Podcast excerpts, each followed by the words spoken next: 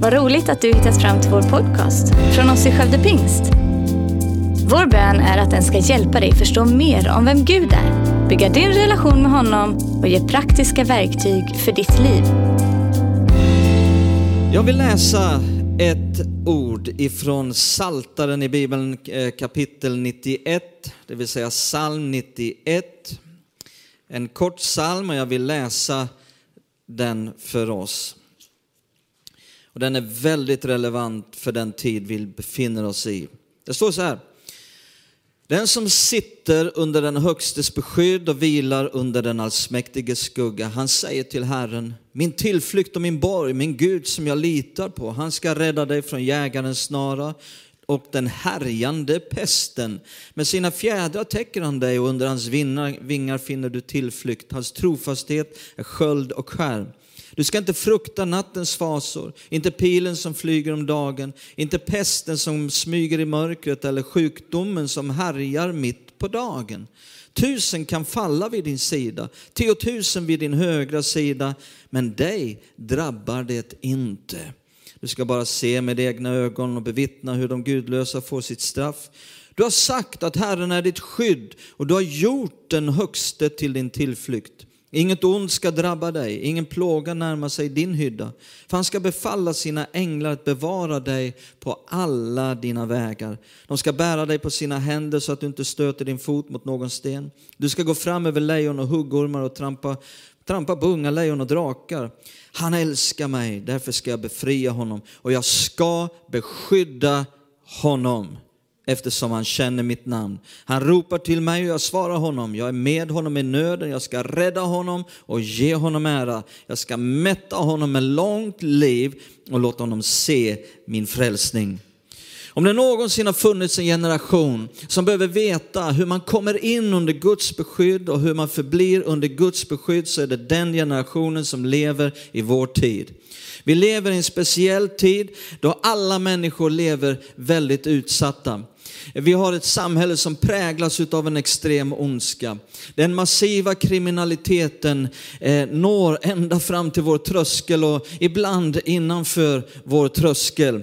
Eh, naturkatastrofer slår mot jorden och dess invånare hela tiden. Sjukdomar härjar överallt och vi nås hela tiden av nya rykten om nya sjukdomar och hemskare sjukdomar. Och I den här tiden så handlar ju så mycket om coronaviruset. Eh, förgörande krafter finns helt enkelt från alla håll och hotar från alla håll och kanter. Och, och vi alla vill ju känna oss trygga och att vi befinner oss under skydd. Och därför så skapar vi väldigt mycket skydd. Polis, militär, medicin, försäkringar, krocksäkra kuddar höll jag på att säga, bilar eh, eh, och andra massor av olika typer av skydd. Men ändå så får man konstatera att det verkar vara så svårt att skydda sig. Eh, och då är det underbart att få läsa en sån här psalm som är så packad med underbara löften. Eh, eh en psalm som bara handlar om att Gud är en Gud som vill beskydda dig. Eh, vi hittar i den här salmen löften om änglabeskydd emot alla faror och fasor. Vi hittar löften om beskydd mot alla sjukdomar och alla olyckor. Vi hittar löften som skapar befrielse, som skapar räddning i nöden, som skapar räddning, frälsning och ett långt liv. Med andra ord, Gud är en Gud som älskar dig och vill bara slå en eldsmur omkring ditt liv genom vilket inget ont kan nå igenom och drabba dig. För ett par veckor sedan här, några veckor sedan så studerade jag spanska sjukan den senaste pandemin som var i nivå utav den här coronapandemin som vi upplever i vår tid. Den spanska sjukan den varade mellan 1918 till 1920 och kom i tre olika vågor. Den första vågen kom våren 1918. Den andra vågen kom på hösten 1918 och var hundra gånger värre.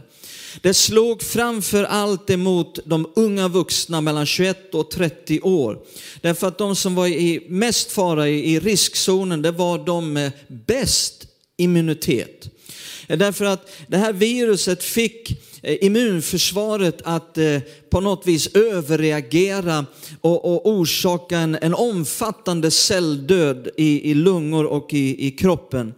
Ehm, och, och man, man eh, uppskattar att mellan 50 till 100 miljoner människor dog.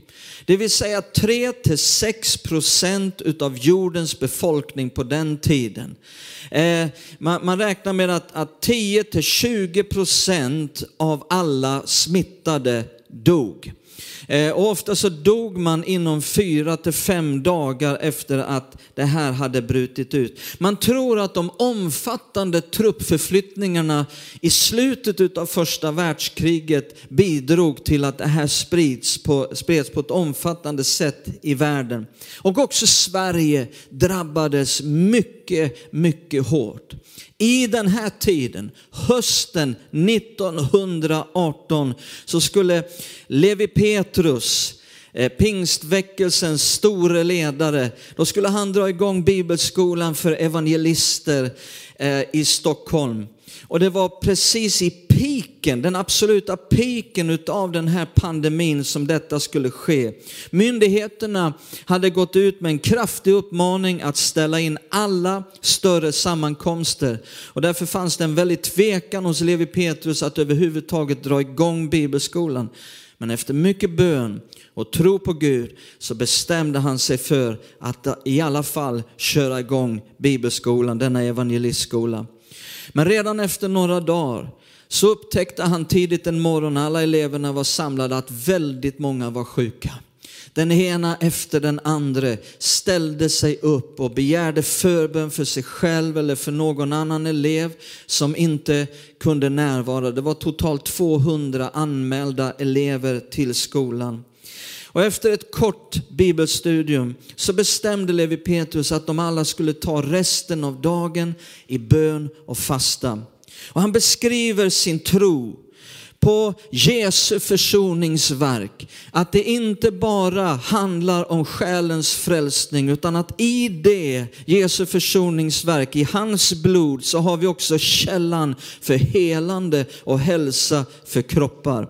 Att vi i nattvarden, på, beskriver han, eh, påminns vi inte bara om syndernas förlåtelse utan också om helande för kroppar.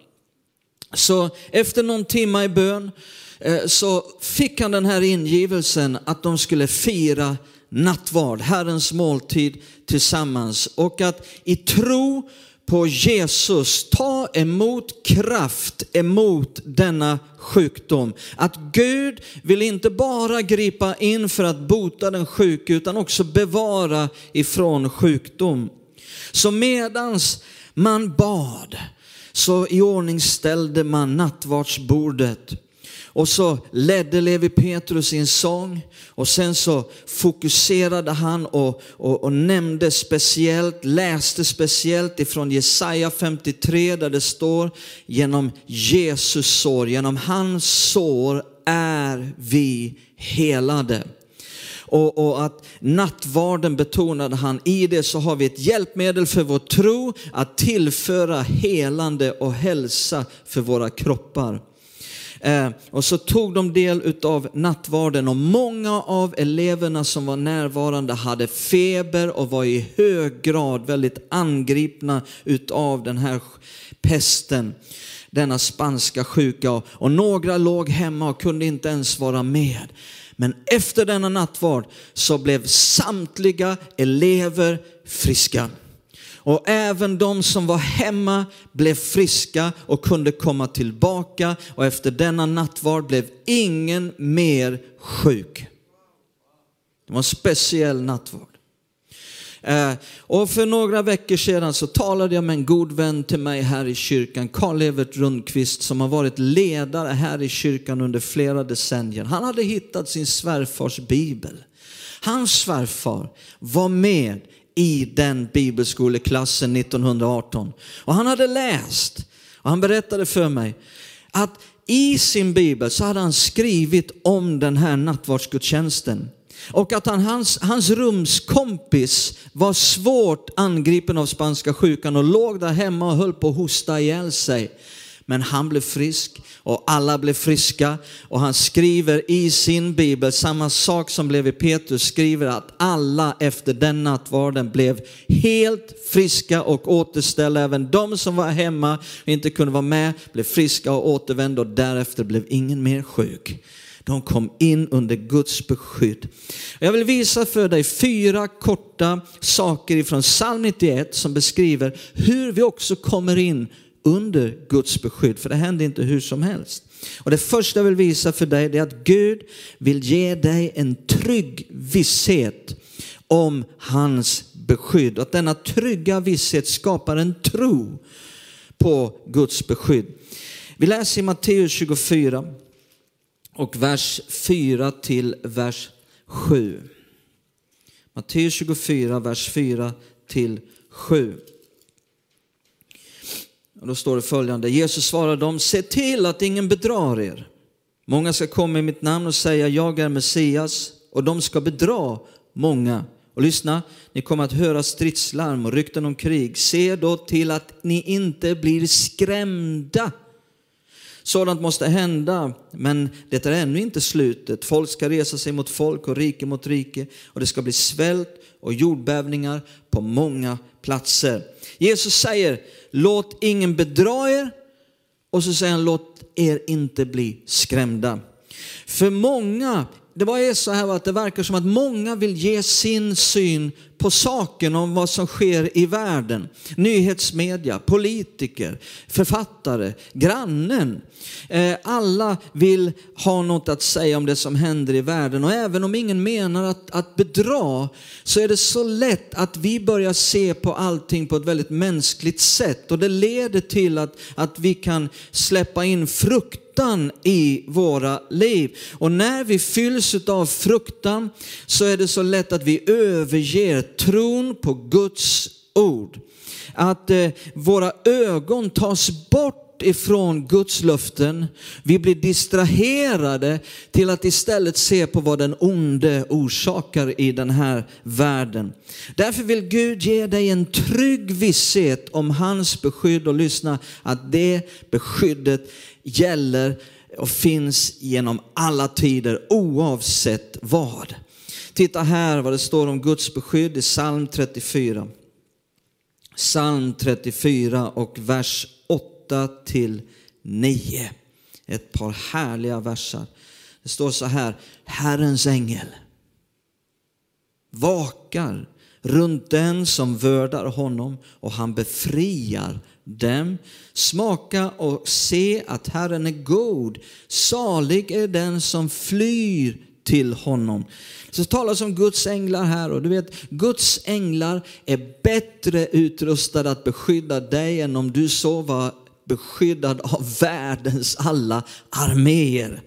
Gud vill att du ska veta hur mycket han älskar dig, hur dyrbar du är för honom. Och därför vill han skapa i ditt hjärta en trygg visshet om att han vill beskydda dig. En trygg visshet i ditt hjärta som skapar en tro som tar emot det här beskyddet. Därför att det är så att tro är alltid en viktig del i att ta emot vad Gud än vill ge och även beskyddet som han vill ge. Man, man tror att Mose var den som, som skrev psalm 91. Eh, och, och, Mose, han hade den här trygga vissheten om vad det vill säga att leva under Guds beskydd. Under den allsmäktige skugga som han skriver i hebreiskan står det El Shaddai. El Shaddais eh, skugga.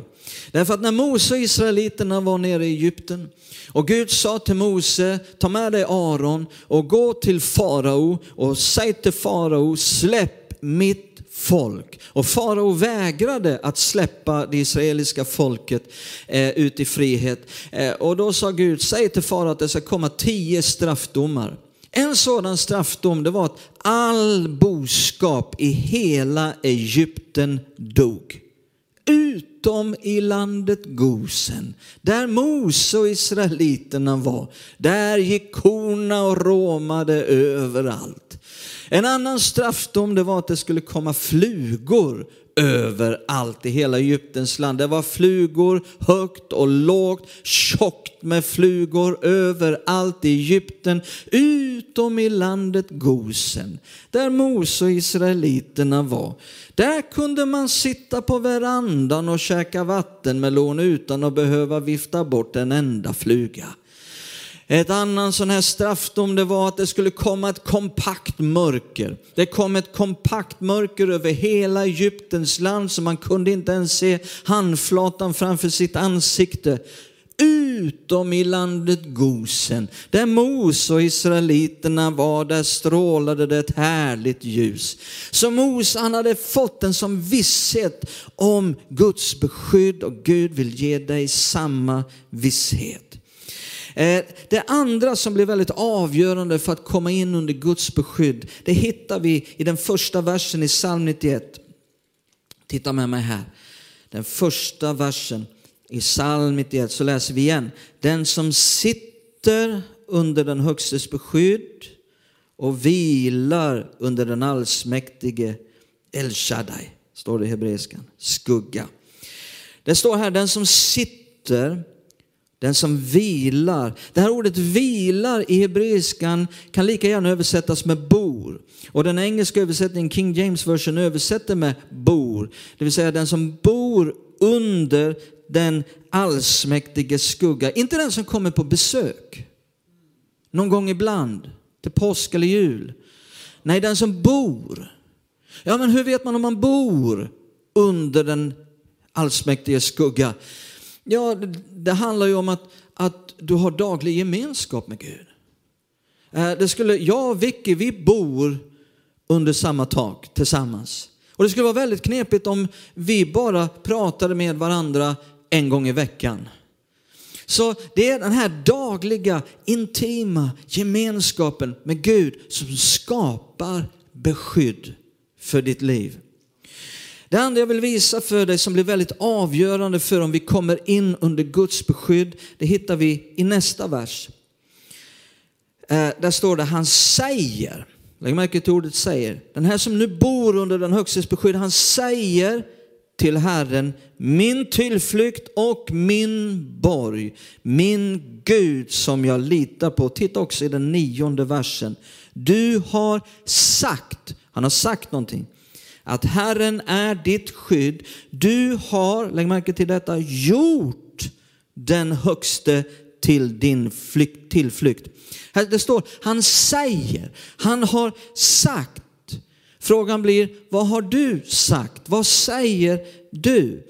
Först kommer sägandet, sen får du det du säger.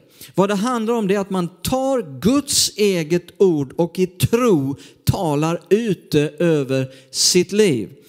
Eh, du förstår att oavsett hur kraftfullt Guds ord än är, hur mycket Guds ord än innehåller alla löften om beskydd för ditt liv så gör det ingen nytta förrän du aktiverar det. Och du aktiverar det genom att tala ut Guds ord över ditt liv. Det läste här, du har, han har gjort den högste till sin tillflykt. Det vill säga vi har mycket med att göra med att göra den högste till vår tillflykt. Det händer inte hur som helst. Utan, och, och våra ord, vad vi säger, har en stor del i detta. Du kan nämligen tala dig ut ur Guds beskydd. Du kan prata dig ut ur Guds beskydd så att du kommer bort ifrån Guds beskydd genom vad du pratar och säger om ditt liv. Så se upp med vad du säger. Eh, eh, om du talar som att allt är väldigt osäkert och man kan inte med bestämdhet räkna med någonting. Och det är inget som skiljer oss från alla andra människor i den här världen. Och vi kommer förr eller senare alla att bli drabbade. Ja, då kan du på det här sättet prata dig ut ur Guds beskydd. Eh, så den sista saken som jag vill nämna här som också är helt avgörande för om vi kommer in under Guds beskydd. vad är det vi har sett hittills? Jo, vi har sett att Gud vill skapa i en trygg visshet om hans beskydd som ger en tro som tar emot. Det andra var att vi såg att, att, att bo under den allsmäktige skugga, att bo i gemenskap med Gud varje dag. Det tredje vi såg det var att, att våra ord blir väldigt avgörande vad vi säger. Och här kommer det fjärde och sista som blir väldigt avgörande och det hittar vi i den, i den 14 versen i psalm 91 där det står han älskar mig. Det är Gud som talar och säger han älskar mig. Därför ska jag befria honom. Och titta, jag ska beskydda honom eftersom, här, det här kommer någonting avgörande. Jag ska beskydda honom eftersom han känner mitt namn. Han känner mitt namn. Det är något avgörande i att känna Herrens namn för att komma in under det här beskyddet. Vad handlar detta om? Det handlar om namnet Jesus. Namnet över alla namn. Petrus sa i Apostlagärningarna när de religiösa ledarna ville få stopp på dem att tala i Jesu namn. Han sa det finns inget annat namn givet bland människor genom vilket man kan bli frälst. Namnet Jesus. Det handlar inte om att veta att hans namn är Jesus Kristus. Det handlar heller inte om att använda hans namn som ett hokus pokus eller ett abrakadabra eller liksom öppna dig sesam. Utan det handlar om en djup förståelse, ett djupt ljus över vad hans namn betyder. En förståelse om att Jesus har gett oss hans namn. En fullmakt att använda hans namn, att tala och agera i hans namn, att tala och agera i, och hans vägnar. Att förstå att hans namn representerar honom. Allt vad han är, allt vad han har, allt vad han förmår och att när vi talar i hans namn emot våra omständigheter i vår situation, att vi talar ut Guds löften i Jesu namn över våra liv, att då är han där och gör det vi säger i hans namn. Därför att där hans namn är, där är han. Där hans namn är, där är han. För han sa i Matteus 18 att om två utav er där, här på jorden, kom överens att be om vad det än är av vår himmelske far, då ska de få det. Och så säger han där två eller tre samlas i mitt namn. Där är jag mitt ibland dem. Där två eller tre samlas i mitt namn, där är jag. I mitt namn, där är jag. I mitt namn, där är jag. Där hans namn är, där är han. Så låt oss använda hans namn och tala i hans namn i den här tiden, i vår situation och komma in under Guds beskydd. Vi avslutar med att läsa här i Ordspråksboken 18. Ordspråksboken 18.10. Och sen vill jag be tillsammans med er som är med och tittar på denna och är med i denna online-gudstjänst. Ordspråksboken 18.10 står det Herrens namn Herrens namn är ett starkt torn. Den rättfärdige skyndar dit och får vad då? Skydd. Herrens namn ger skydd. Tack för att du lyssnat. Dela gärna podden med dina vänner och glöm inte att prenumerera så du inte missar nästa predikan. Om du har några frågor eller vill att vi ska be eller tacka för något tillsammans med dig så får du gärna höra av dig till kyrkan skövdepingst.se För oss är veckans höjdpunkt söndagens gudstjänst och det vore så kul att träffa dig där. Våra team finns då redo att ta emot dig och det finns även egna samlingar för barnen. Du hittar mer information om oss, vilka vi är och våra olika mötesplatser på skövdepingst.se. Gud välsigne dig och ha en fortsatt bra vecka.